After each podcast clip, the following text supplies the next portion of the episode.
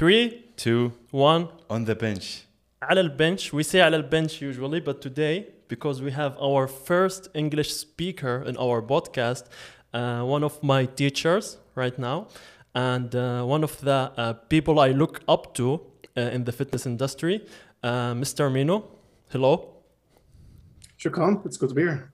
F- First of all, uh, let's um, just give us a, a small introduction to you because most maybe some people who watch the podcast uh, don't know you. So Sure. I'm a, an international public speaker. I'm a scientist. I do exercise and nutrition research. I'm online, also an online coach, and I'm the founder of the Henselmans PT course, which is now getting over a, a thousand students per year, and it's available in Dutch, English, French, German. We're talking maybe Arabic in the future. Soon. Yeah, and Spanish. So that's uh, going very well. And I'm a big proponent of evidence-based fitness and science-driven decision making. Uh, okay, uh, so let's dive into the uh, subject of today. Uh, first of all, uh, before we start, let's talk about what is the main driver of for muscle building. Because some people say it's muscle damage. Some people say you have to damage your muscle, then they will grow. So, what is the main driver for muscle building? There's only one very well-established driver of muscle growth, and that's mechanical tension on the muscle, or the muscle fibers. And muscle damage and metabolic stress are alternative hypotheses that have been proposed that are in large part more a rationalization, I think, of the, the pump, the burn, and muscle soreness. You know, things that you can feel, which in my experience of having traveled to many parts of the world and having trained in many parts of the world, the, the bros in many places in the world, they actually train the exact same way. They train intuitively. So it's not cultural, it's it's intuitive. And I think we can very easily go wrong with exercise and nutrition when we make decisions based on our feelings rather than based on the facts and the science. Okay, okay. So most of the people will uh, will not know what is mechanical tension, what is metabolic stress, what is muscle damage. Can we just give a small definition uh, of these? Sure. Mechanical tension is essentially force output. When muscles contract, they form actin myosin cross bridges, and this produces force. And tension and force are essentially the same thing. They should correlate approximately 100% in, in most scenarios. So the the amount of tension on the muscle fiber is in large is generally equal to the force it is producing. Now there's also passive tension, which you can get by stretching a tissue to a certain length, especially if it's all under load. Then titin is also going to be uh, is going to be spring loaded essentially, and also produces tension that makes the muscle get bigger.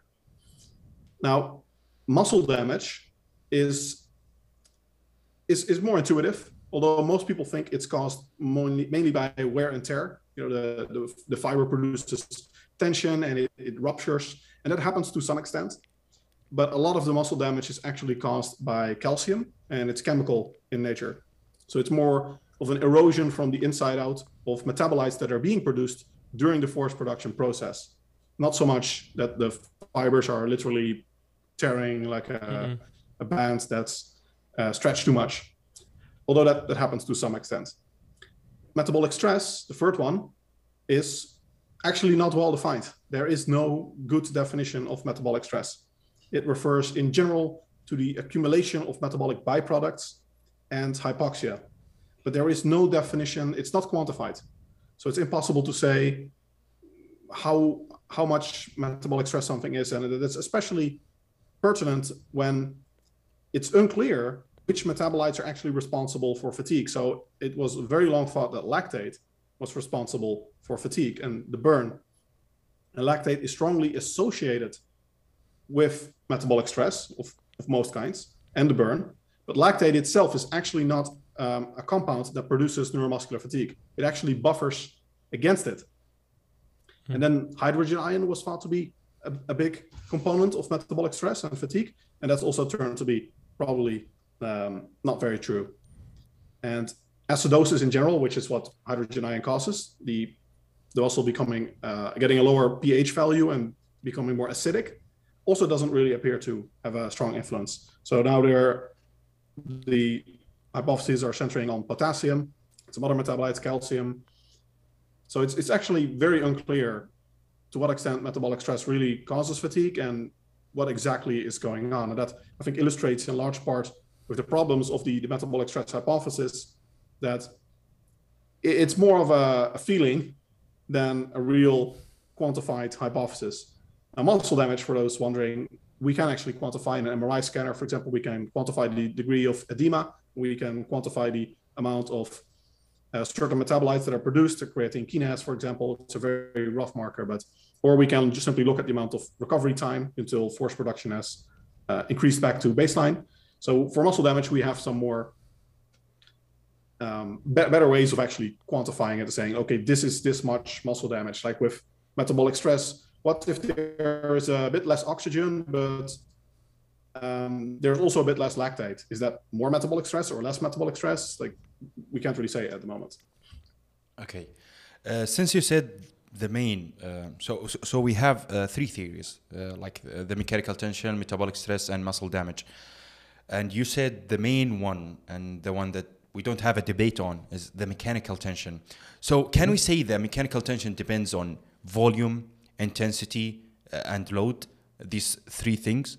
And since uh, since the volume are really associated with the mechanical tension, can we say the volume is the main driver for muscle building?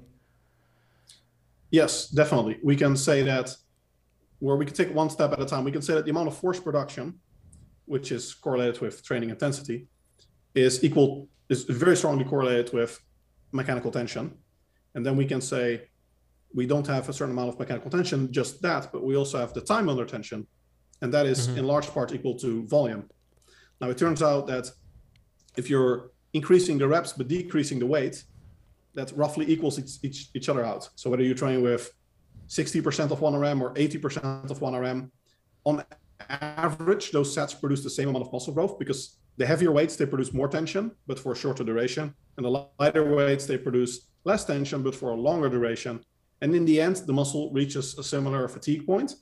So all the muscle fibers get recruited near the end of the set anyway, whether it's from the start or whether they first need to be warmed up with the first 10 reps of a 20 RM set, for example. In the end, you, you're going to recruit all the muscle fibers. All the muscle fibers are going to be subjected to mechanical tension if you're training close enough to failure. So we can say that the intensity, it, it doesn't matter so much as long as you're training close to failure. And indeed, volume is the key driver of muscle growth. Okay. The volume I- quantified here is in terms of number of sets per week per muscle group. I, I have a question.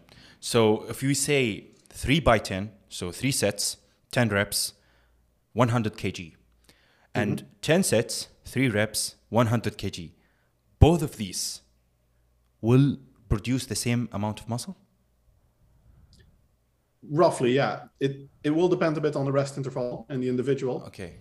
If but assuming it's roughly equal effort as well, like it's equally Okay. difficult for the individual, you will produce indeed the same amount of muscle growth. Okay. And there are lots of studies that are similar to this on cluster set training and intra-set rest. And they generally find that if you have the same total work output, so sets times reps times weight, then you get equivalent muscle growth on average. So we can't say there is a rep range for strength and rep range for hypertrophy and rep range for, let's say, endurance or something like this. Well, not not so much. No, it's more of a continuum. But if we we if we had to designate a rep range for hypertrophy, it would probably be five to thirty, roughly. Okay. Because the issue is if you go below five reps, then you don't produce enough time under tension.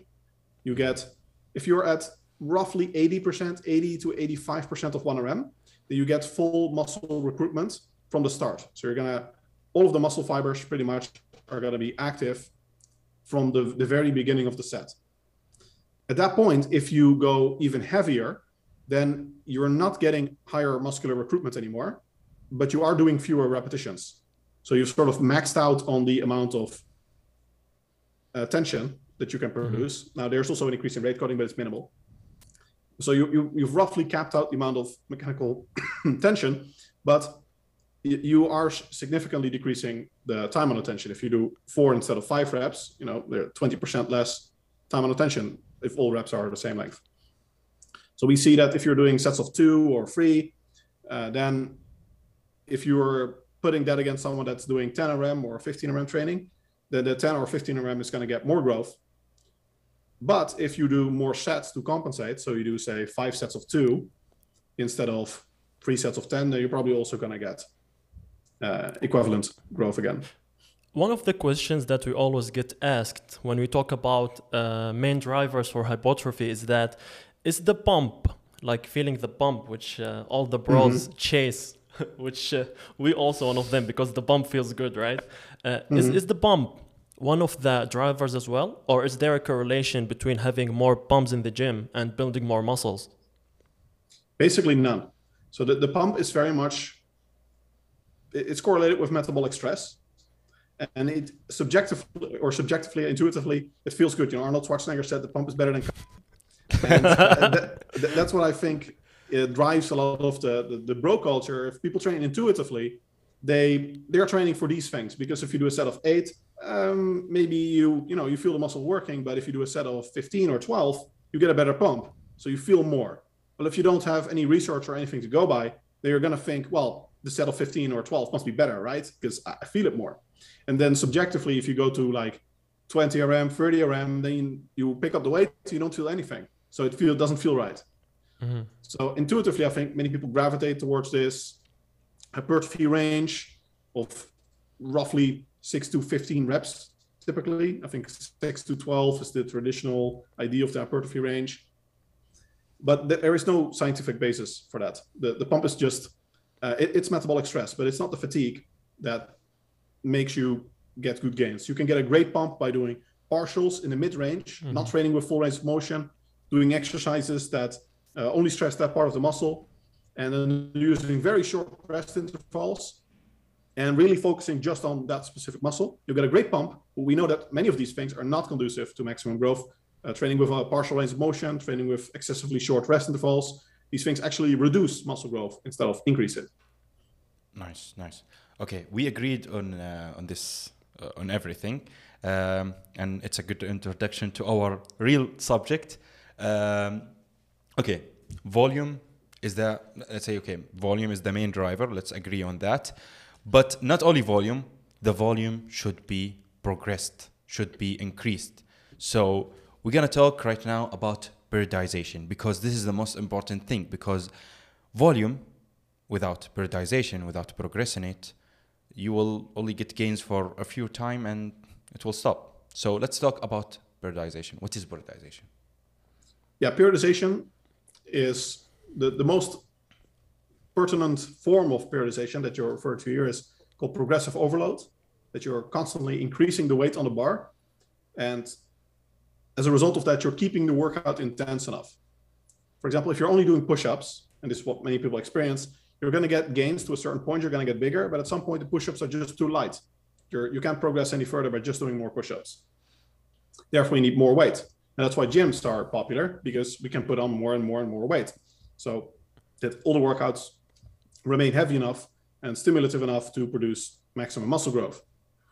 Now, periodization more generally refers to the organization of your training over time.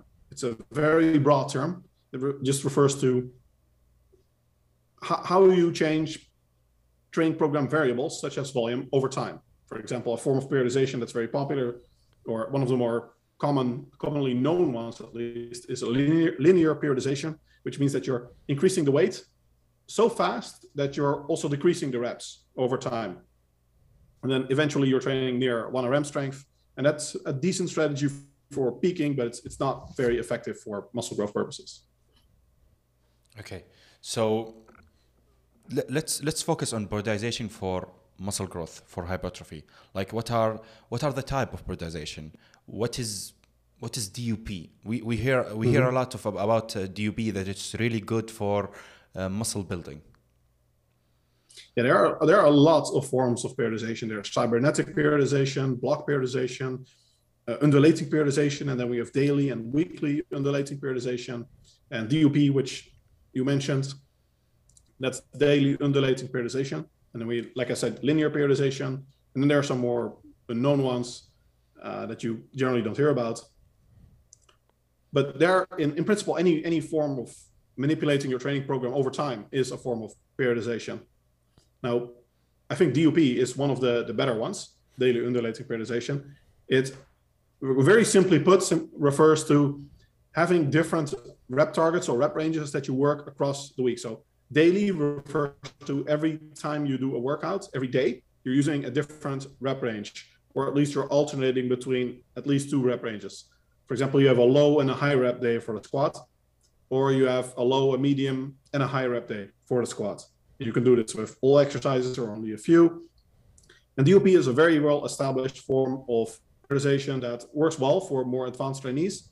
They can produce, that produces greater strength gains in many studies and multiple meta-analyses now that have looked at all the studies together and okay, is this really true? And they generally conclude, yes, you're going to stimulate more strength development than uh, if you're not periodizing your program, at least for more advanced trainees.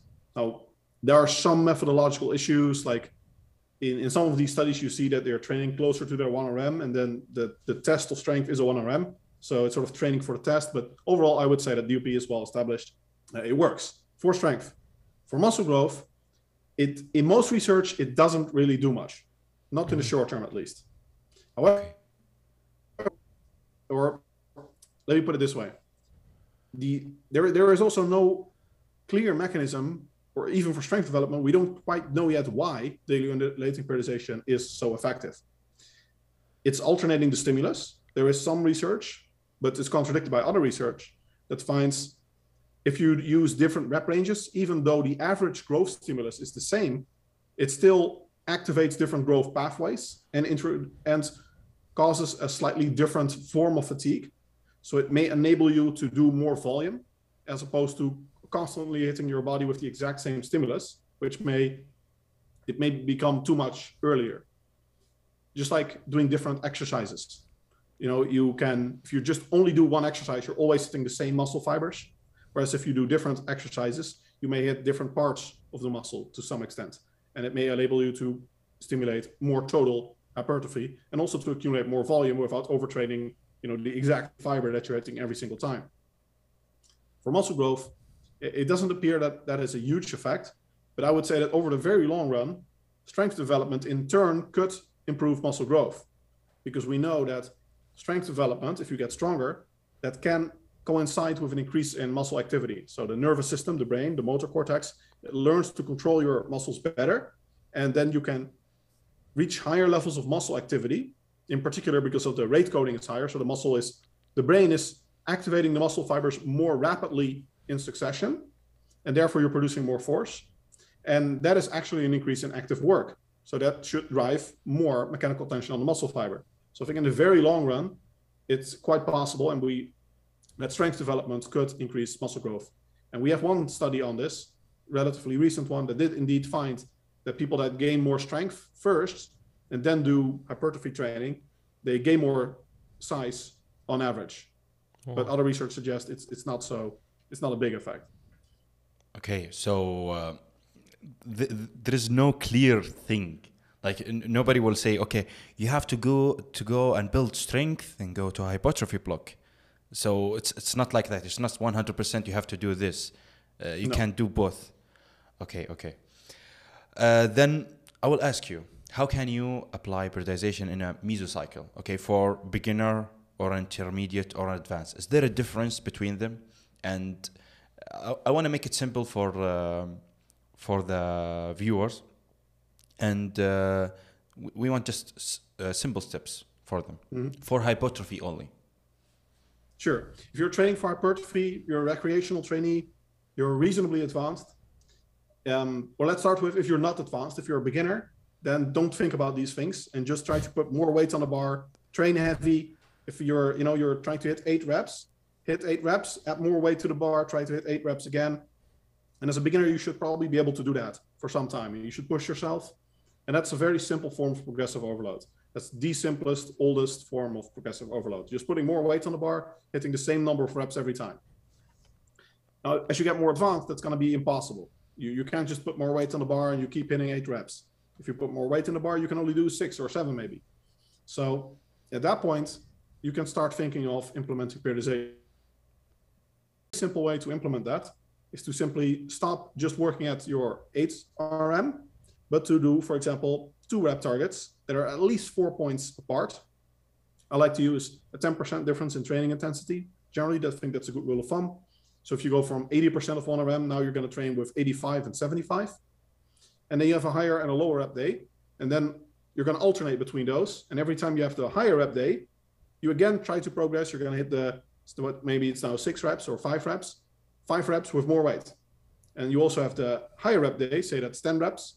And now every time you have that day, you're also going to try to put weight on the bar and hit the 10 reps. So Okay, that instead of just the 8 RM, you're going to have two tracks, essentially the high and the low rep day that you're progressing on. Can you can you repeat that again because it, it wasn't really clear for I, I I- I didn't understand it and I don't think uh, the viewers will understand it. Can you repeat it again, please? Sure. There, a very simple way to implement periodization is to have a higher and a lower rep day. Mm-hmm. So if you say now you're trying to hit your 8 RM, you're trying to do eight reps on a squat, and you're trying to add weight and you want to hit eight reps again. At some point, that becomes impossible. Then what you can do is you're going to have, say, a 5 and a 10 RM instead of the 8 RM. We have one day where you're going to hit five reps, and the other day where you're going to hit 10 reps. And you're going to alternate between those. And that, that's pretty much it. Then you're just every time you have the five RM day, that works just like what you were doing before, trying to progress and hitting, you know, five reps with more weight, five reps with more weight, etc. But now you're alternating between the five and the 10 RM tracks. And uh, what about the advance? Is it the same as this or uh, there's not uh, much difference? Yeah, if you get more advanced, there are more things that you can do. Uh, deloading, uh, I like reactive deloading more, but you can have deload phases. You can also experiment with higher volume phases and lower volume phases. You can have yeah, triple undulation, so you have three different rep targets that you alternate between as you get more advanced. Typically, I think that's not necessary, but you can go to that level, especially for powerlifters. Uh, but overall, the principles don't change. You just want to figure out ways that you can keep implementing progressive overload um, in, in different ways. So, uh, what is the main differences? Because you mentioned that uh, you always prefer to do like reactive deload. So, wha- what is the main differences between a reactive deload and a proactive deload? And how can we apply the reactive deload in our uh, mesocycle? Sure. A, a traditional deload, like I think the most classic form of deloading is that every four weeks you have one week where you either don't train or you train with very light weights, which are essentially warm up level. And that's mm-hmm. called a deload week. Now, this is proactive. It's the people generally don't call this a proactive deload, but it is proactive because you decide in advance that you're going to do it. Like every four weeks, one week, I take it easy. Now, the problem is that you can't predict when you need this. Like you can have some idea, but there's very little research on this, and you don't know if if you're going to be more stressed a certain week, if your sleep's going to be worse a certain week. So you don't know if that week you're going to have more trouble recovering than otherwise. Maybe the first three weeks are going great, you're making excellent progress, and then there's absolutely no need to take a week off. So you're just mm-hmm. wasting some of your time. A reactive deload is done when your program indicates, or specifically your progression indicates, that you may be under recovered. So if your performance is a lot worse than it should be, for example, if normally you always progress when you add more weight on the bar, you hit your rep target, and now you don't, but you think you should have, maybe you just put one more pound on the bar, one more kilo, and you should have hit that 8 RM again, then you can do a reactive deload, which can be the, the same. Either you cut the weight in half and you do some speed work, for example, or you just take the rest of the sets off. You stop more sets. Because the fact that you are your performance wasn't there, it means maybe you haven't recovered yet from the previous workout. So that's the signal you may be under recovered. You actually have mm-hmm. data to show that you may need the deload. Mm-hmm. And that's that's a prime difference. Another big benefit of a reactive deload is that you can do it specific to the muscles or body parts that need it. Mm-hmm. Whereas a proactive deload, you're just taking the whole week off. Maybe you had trouble progressing your squats, but your chin ups and your bench press were doing great. Like your upper body was doing super well, but you just had some trouble in one exercise.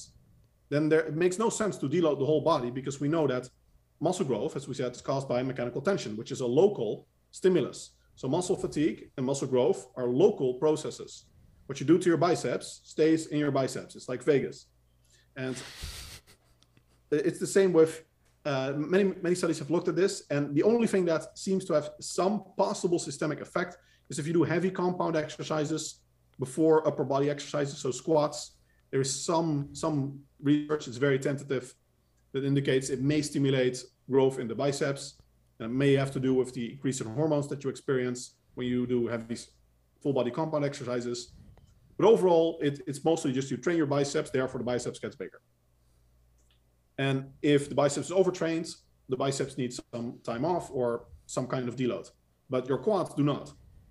So it makes no sense to just, you know, if, if something's not progressing, to take the whole body to rest the whole body. It's like saying, I'm uh, I'm injured, I have an elbow injury, therefore I'm gonna miss leg day. You know, there's no reason not to do leg extensions just because your elbow is injured.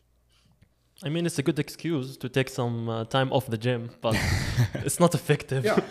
Uh, to well, be honest, a lot of these uh, things, many people want to hear it, right? Many people love Yeah. to hear, okay, you can take a whole week off, you know, feel good about yourself, you earned it, and you're still gonna grow.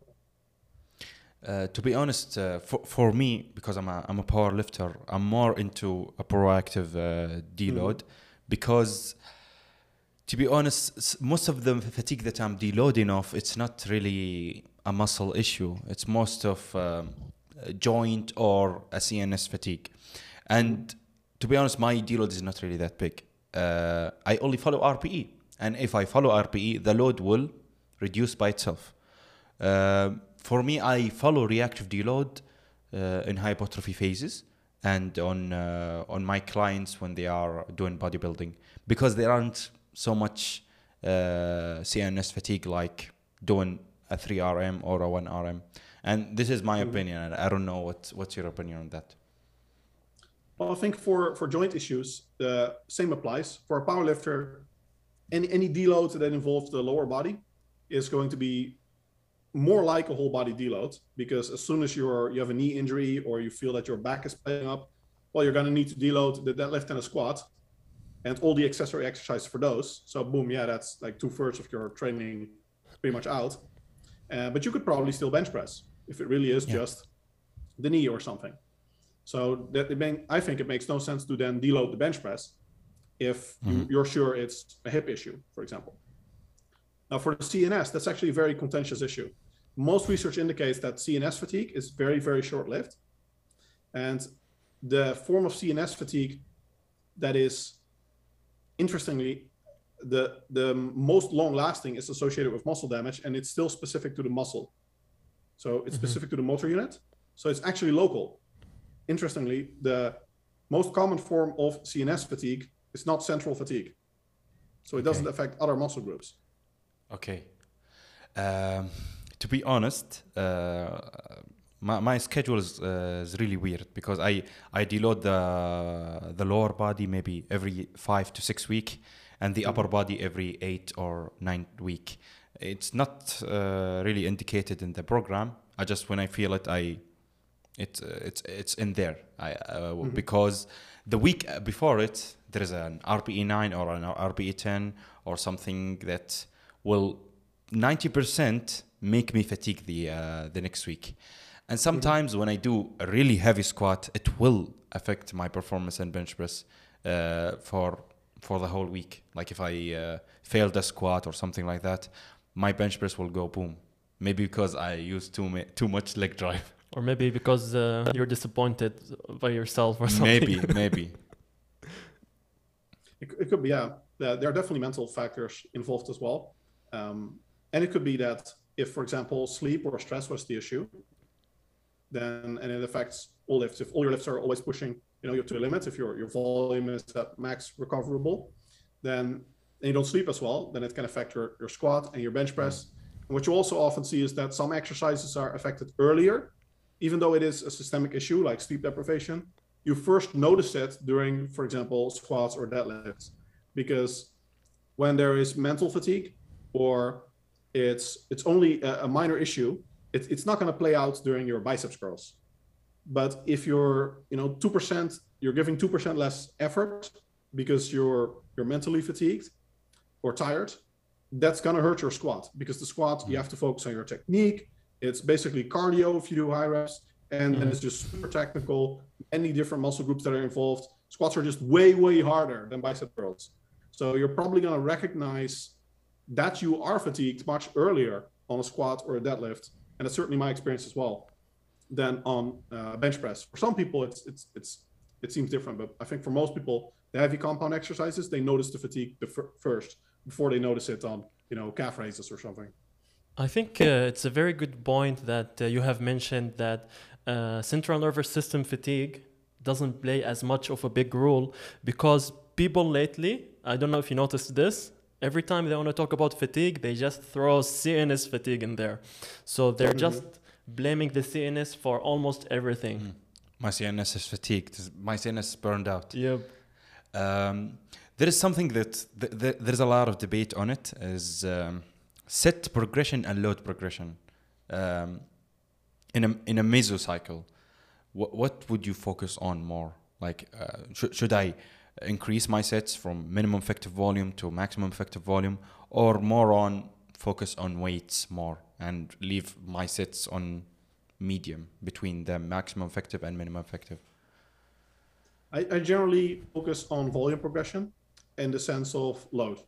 So trying to hit your rep targets with progressively more weight or working in certain rep ranges, trying to hit 12 reps and then working from you increase the weight. Maybe now you're at six reps and then you're going to work back up to the 12 reps, etc. There was one recent study that found that focusing on load is more effective for, I think, both muscle Mhm. growth and strength development than trying to go up in reps, but they went up in reps a lot. So they, they kind of took it to extremes. And I think within narrow rep ranges, it, it's not going to make a difference. The most important thing is that you are constantly pushing yourself and you're keeping your workouts intense. I think progressing in sets, I'm not convinced of the, the rationale for that. I don't think it makes a lot of sense. Like, unless you're deloading for a specific reason, I don't see a reason to go back to minimum effective volume. If you can be at a certain optimum volume, then you can just stay there and you can make great progress at that level. Now, you may need to adjust the volume sometimes to find that sweet spot because you can't just, you know, magically say, okay, I know it's exactly 18 sets for this individual.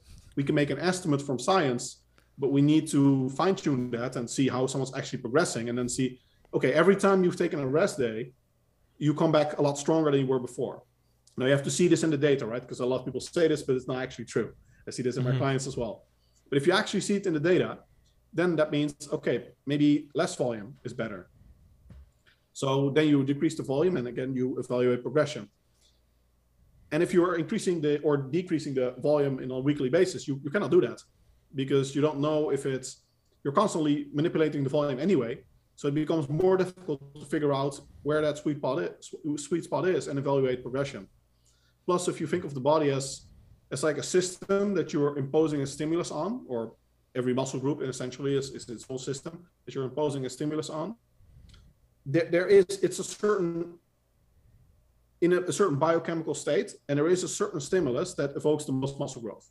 Right? That's that's physics. It's not like Monday it responds better to high volume. Tuesday it's more it's, feel, it's in the mood for low volume. It's just tissue, right? Uh, one of my friends, Borge Fagerli, he said muscle is just a dumb piece of meat. You know, it's it's it's tissue and it responds to a stress we impose upon it in a predictable fashion. Now there is a certain stress that we want to figure out that is the most effective to make that tissue grow. And that stress is probably going to be very similar over time because the, if the muscle doesn't change, the, uh, the most optimal stimulus also doesn't change. Right? If that tissue has not changed in in in makeup, if the you haven't changed the, the, the biochemistry of the tissue, it's just it's the same muscle, the same size, then the optimal stimulus is also going to be the same. So I think the optimal stimulus will only change if the muscle has developed to a certain level. Like if you become from beginner to advanced level, the muscle is now a lot bigger. We know in research it's more resistant to muscle damage, it's more resistant to metabolic stress, it typically recovers faster, it has more blood vessels. So then we know, okay, that muscle probably needs a different stimulus than the one before. But I don't see any physiological rationale for why a muscle needs a different stimulus this week compared to the last week. Mm-hmm. Either we're at the wrong stimulus and we're finding we're still finding what the optimal stimulus is, or uh, we just have to stick with the optimal stimulus. So we, we don't need to shock the muscle, like they say. No, it's it's funny because the the muscle confusion, shocking muscle thing, that actually what you often hear is that when you are you're shocking the muscle so that it cannot adapt. Or but adaptation is the very goal of training, right? We are putting a stress on a muscle, and as a as an adaptation to that stress, muscle gets bigger. So the adaptation process is muscle growth. Muscle growth is the adaptation process. We don't want to avoid that. That is exactly what we're trying to stimulate. Nice, nice, nice. Okay, uh, maybe this question will uh, will answer a lot of uh, will, will will solve a, a, lot of problems. Is how to avoid plateaus, how to break through plateaus. Uh, a lot of people are stuck on some kind of volume and they cannot progress on it, uh, no matter what they uh, do. Um, how, how how can they fix that? I think one of the first things you want to do when you're plateauing in your training is to determine the the extent of the plateau. Is it one exercise? And I think in general you can categorize it into three three groups of plateaus. First group is that you have a whole body plateau, like nothing's progressing anymore. Now that points to a systemic cause. Then you could con- consider, for example, a deload week, or you should evaluate your your sleep, your stress level, your diet, or overall program design. Like something overall is off. It's not to do with the progression model of an exercise. It's not to do with your technique because it affects everything. If you go one level down, sometimes what you see is that one muscle group is progressing. For example, someone stalls on the bench press. I've seen this just now in a program that I was evaluating. A guy that stalled on the dumbbell bench press, push-ups, uh, and the overhead press. Well, that's all similar musculature, like all mm-hmm. pressing muscles, front delts, upper pecs. They're, they're involved in all of these. So probably at, at, that point, that individual needs a different stimulus for these muscle groups. So in that case, I increased the volume because it wasn't that high yet. And I think he became, he basically outgrew the program he was on. So that's a, a moment when you can increase the volume. There are some other indications that you can look at, but in general, you, you want to change the program for those specific muscles or those body parts. And the first can, plateau. Can, can we uh, decrease the volume? Is uh, that would yeah. be a okay? It's, it's possible. Whether you increase or decrease the volume, there are a few things that you can look at. If someone was progressing for a long time and then plateaued, then you can probably increase it because it means maybe they've outgrown the program. If someone already had a lot of difficulty progressing right from the start, never made good progress, and then some other things you can, some indicators are if after rest days they made better progress, that those are indications lower volume might be better, like they may be overreaching. And their work capacity is another interesting measure you can look at because work capacity, uh, researchers often call it the fatigue index.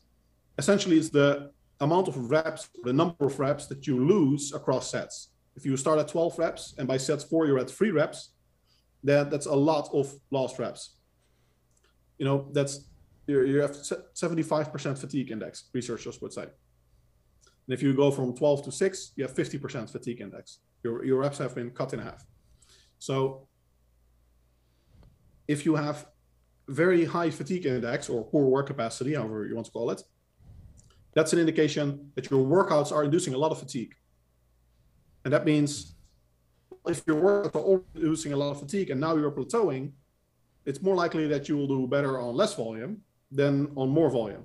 Whereas if you see someone whose reps go like 12, 12, 11, 11, that's a good indication. Okay, that's there's low fatigue, and if then they are stalling, well, I don't think they're going to do better with less volume because they're they're not accumulating that much fatigue yet. Can can plateauing in uh, performance in the gym with the weight we're uh, using and the reps be correlated with uh, muscle growth? Like for example, if I'm doing less in the gym or I'm plateauing with my performance, can be that related to that I'm not growing more muscles? Mm -hmm, definitely, we generally see a correlation between, especially over the long term, between strength development and muscle growth. So if and, and theoretically, we can also say if a muscle's cross-sectional area gets bigger, then its force output should also increase, unless for some reason the nervous system becomes less efficient at activating the muscle or something. But over time, it should only get more efficient, so that shouldn't happen. So we can basically say that if you're not getting stronger, you're almost certainly not getting bigger. Because if you were Mm. getting bigger, you should have gotten stronger. And I think, well, the key is long term, right? Because anyone can get stronger on a new exercise that they've only been doing for a few weeks, especially if it's like split squats where balance is a big factor. First few weeks of progress on split squats, they don't mean you're getting jacked on jack legs and you'll be next to Tom Platz very soon. You know, it's uh, it just means you you've gotten better at split squats. But if you take a lifter like the Q, if you're focusing on powerlifting, I can guarantee you, if we can get your bench press up 20 kilos, then you're gonna have bigger pecs, bigger triceps, bigger delts. Yeah, of course. But um, uh, I, I will add a rule to this, and uh, maybe you will agree with me. If your technique does not change and you add load on your bench press, that means you build muscle. Because some people like they changed it, uh, they changed their uh, form. They had a bigger arch, or they changed their uh, leg drive, and they add 20 kilo, kilos. It doesn't mean that you built muscle. It means Yeah, that yeah, you this- became more efficient. This assumes that all, all else in the program remained the same, indeed. So if you're just changing the technique, or you know, if you're especially if you're changing grip width, like you're going wider and now you're stronger, uh, it's not like boom, you suddenly got bigger as well. Okay, okay, okay. Uh, a lot of people says uh, that uh, we cannot uh, periodize or progress over uh, progressively overload in a cut while losing weight. Is that really Mhm. true? Uh, no, definitely not. In fact, a recent meta-analysis found that energy deficit has a significantly detrimental effect on muscle growth. That shouldn't come as a surprise. It's harder to build muscle in energy deficit than in energy surplus, but it's still possible. Depends on for who, but especially for a beginner, it's absolutely possible. Intermediate trainee, if everything is set up right, it's it's still very possible. Very advanced trainee becomes very difficult someone that's pretty much at their natural muscular potential, no, they're definitely not going to build any more muscle in energy deficit.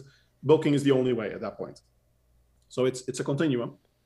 But strength development in the meta-analysis was actually not affected at all, or not significantly, I should say.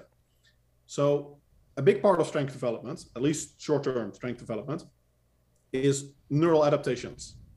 If you're not making any strength gains, if your strength gains have truly plateaued and you're losing body weight, you're actually probably losing muscle.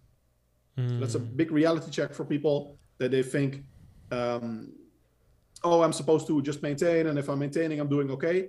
No, if you're maintaining your strength, you're probably losing muscle. Because if you're doing exercises, your nervous system gets more efficient. So you should be getting at least some strength development, maybe very little.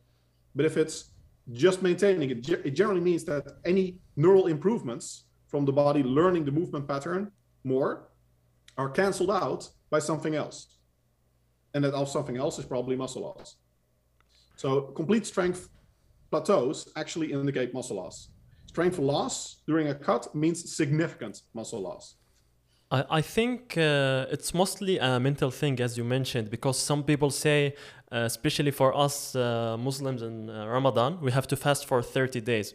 So we get uh, a certain type of questions. Maybe you get some of it as well from your from your Muslims followers, like, I'm I'm sure that I'm gonna lose muscles and strength in Ramadan. So I should just maintain. So I think putting themselves in that mental state make them prone to stay at the same level or lose some of their strength. What do you think? Definitely. I think there are big mental factors. And with Ramadan, of course, you have to figure out when you're training, if you're training at the end of the fast or if you're, you're going to be crazy and training in the middle of the night, if your gym's even open.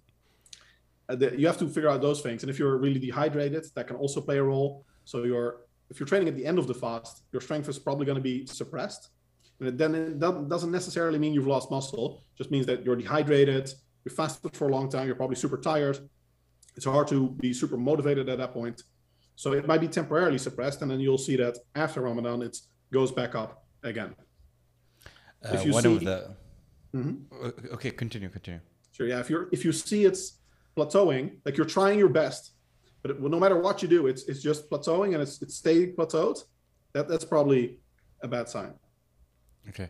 One of the uh, funny thing that happened to me uh, in my uh, training years, I was 100 kg. My body weight was 100 kg, and I dropped down from 100 kg to 83, while not knowing. I had exams, I had a lot of assignment, but I didn't have any weight scale, so I didn't know that I'm losing uh, uh, body weight. And at that point, I built a lot of muscle. I built a lot of strength because I didn't know mentally that I'm cutting. And after that year uh, went by, um, I stepped on a scale. I'm like, what? I was 100 kg. Now I'm 83. okay, it, it was really obvious because now I have abs before I didn't, but still, like, because I didn't put it in my mind, that made me progress uh, really, really good. Because dropping from 100 kg to 80, 83 kg body weight, my bench press went from 120 kg to 145 kg. So it was like uh, people will not believe me because you Mhm. cannot gain strength on a On on a a cut. cut. Yeah, you absolutely can. And funny enough, in research, we see similar things mentally when people go into energy deficit. If we look at research in which people don't know they're in energy deficit, they don't have any symptoms, their sleep isn't worse, uh, their IQ tests remain the same, reaction times remain the same. We see this, for example, in the military. You know, they just get rations. They're not thinking about how many calories they're on. They have rations. They go to a field exercise. They're worried about survival and doing their job, not about how many calories they have and energy deficit and those kind of things. In diets, in in lab settings where people get certain gels and they have no idea what they're eating or how many calories it has, they also they have no symptoms. But outside the lab, when people know they're doing a diet, they they complain of lethargy and fatigue and all these things. So a lot of these things are mental. And funny enough, there's a meta-analysis that tried to correlate these symptoms with the degree of weight loss, and it found no correlation, which means that some people are losing a lot of weight, so they're in a big energy deficit, and they don't have any worse symptoms than the people that aren't losing weight. And if you're not losing any weight, they're probably not even in energy deficit to begin with. So they just think they're in energy deficit, and they complain just as much as people that are losing a lot of weight. So I think people should uh, fix their shit first. Yeah, fix your mental uh, mental brain. Okay, that mental um, definitely has a big mi- mindset has a big effect for sure on everything. Yeah. Okay. Um, it was a great episode, uh, really, but uh, we have to end it with a good ending. Um, can you tell us like a common mistakes that you see beginners or intermediates do while applying progressive overload or periodization?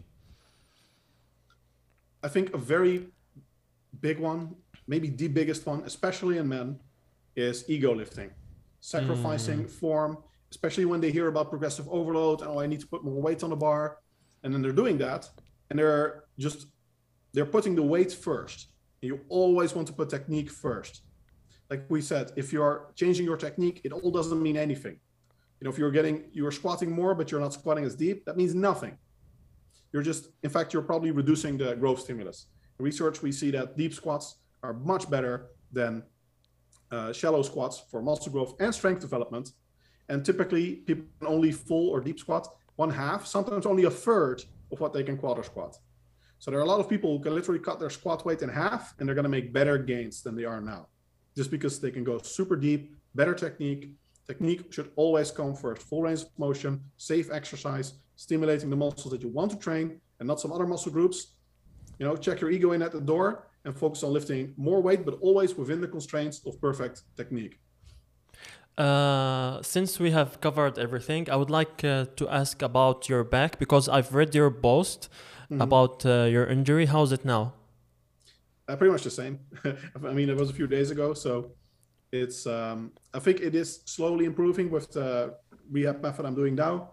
But for for those listening that don't know, I have a herniated disc, at least one, and the one below also has slight bulge, and that, that's probably the main problem. Some specialists think there's also an anterior hernia above, but I'm not very convinced of that.